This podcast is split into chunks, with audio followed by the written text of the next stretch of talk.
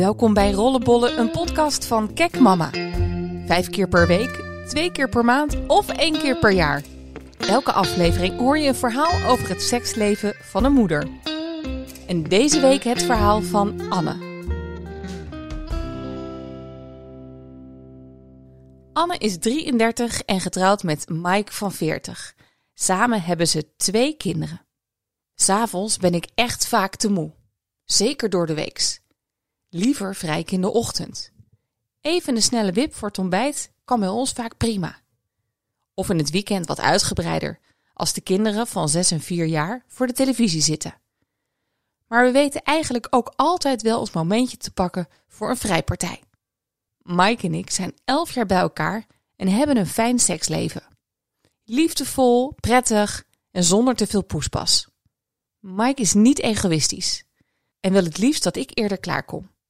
Hij kan heel goed zoenen, waardoor ik zo in de stemming ben. Alleen tijdens mijn zwangerschappen en net erna stond ons seksleven op een lager pitje.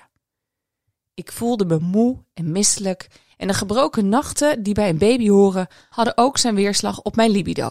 Zeker na de geboorte van de tweede zijn we in een periode heel druk geweest het gezin op de rit te krijgen. Toen de baby een beetje doorsliep, kwam de seks ook weer op gang. Toch kreeg ons seksleven pas echt een boost nadat we samen ecstasy gebruikten op een festival. Ik was eigenlijk anti-drugs.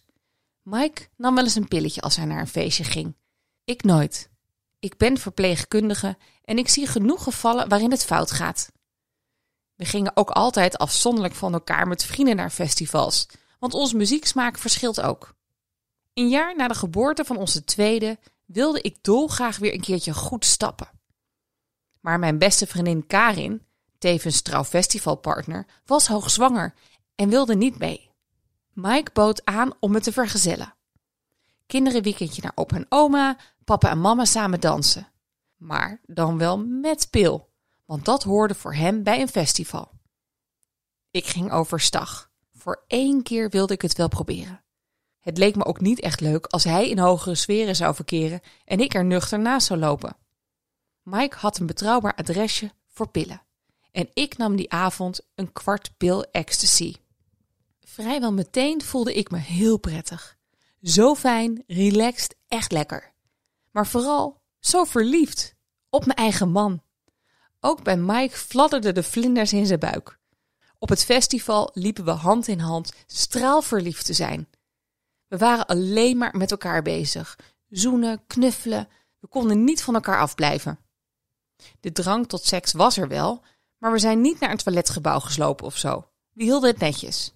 Eenmaal thuis hadden we een hele intense, langdurige sekssessie. We deden het de volgende dag wel drie keer. We voelden ons echt euforisch. We hadden ook alle tijd, want de kinderen waren twee nachten weg. We vreden alsof we het nog nooit met elkaar hadden gedaan. En ook de weken erna deden we het onafgebroken. We verzonden nieuwe standjes en we voelden ons verliefd als pubers. Die verliefdheid ebte alleen wel weer weg. Maar het positieve effect op ons seksleven bleef. Seks met een pil op smaakte naar meer. Dus toen ik weer een festival bezocht, deed ik dat met ecstasy. Alleen haakte Mike af. De laatste keren was hij steeds onrustiger geworden als hij ecstasy nam. Hij had veel last van de zogenaamde dinsdagdip. Als de pil dan na een paar dagen uitwerkt, meestal op dinsdag, als je zaterdag bijvoorbeeld stapt, zak je van het gevoel van extase naar een kleine depressie. Daar heeft bijna iedereen last van. Maar bij Mike was het anders. Het bleef wekenlang en hij besloot te stoppen met ecstasy. Tja, dat vond ik wel jammer. Juist die lekkere roes die je samen beleeft als je allebei iets neemt, dat was enorm opwindend. Gelukkig heb ik Karin weten over te halen om ook een pilletje te nemen als we naar een festival gaan. Nu slikken we allebei een halfje. Ook Karin's seksleven heeft een enorme oppepper gekregen. Zij heeft net als ik twee kleine kinderen en is 15 jaar samen met haar man. Ze hadden amper seks en stonden zelfs bijna op het punt om uit elkaar te gaan. Die nacht en de dag erna wist haar man niet wat hem overkwam. Ze vonden elkaar weer helemaal in de slaapkamer. Ik wil hier natuurlijk niet pleiten voor drugs.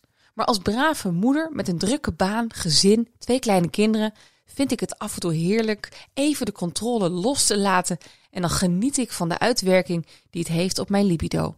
En als je het maar af en toe doet, zie ik voor mij persoonlijk geen bezwaren. Karin en ik doen het bovendien alleen op feestjes. De afgelopen jaren is dat een keer of tien geweest. We hangen niet elk weekend laveloos in de tent en zullen ook nooit thuis gebruiken. Mike geniet er wel van als ik hem bespring na een avond dansen. Dat vindt hij geweldig om mee te maken. Het maakt me echt losser, vrijer, flirteriger. Ook naar mannen toe. Eén keer had ik op een festival veel zin om te zoenen met een andere man. Ik deed het niet. En ik heb thuis eerlijk opgebiecht dat ik in een verleiding was gekomen. Maar ik wilde dat alleen doen als Mike het wist en akkoord zou zijn. We hebben toen wat gesprekken gevoerd over een soort van open relatie. Eentje waarin we kunnen uittesten hoe het is om met anderen te zoenen. Ik voel die behoefte sinds ik met ecstasy begon en met name als ik op een festival ben. Na elf jaar samen, met de intentie levenslang samen te blijven, lijkt het ons enerzijds wel spannend ook eens een ander lijf te voelen. Anderzijds is het ook erg lastig om elkaar daarin vrij te laten en misschien wel onze relatie op het spel te zetten. Door corona is het de afgelopen periode sowieso niet aan de orde geweest. Maar wie weet wat de toekomst ons brengt. En dit was hem weer. Volgende week het verhaal van Nanette en Vigo. Eenmaal gescheiden leefde hun seksleven weer helemaal op. Luister je weer mee?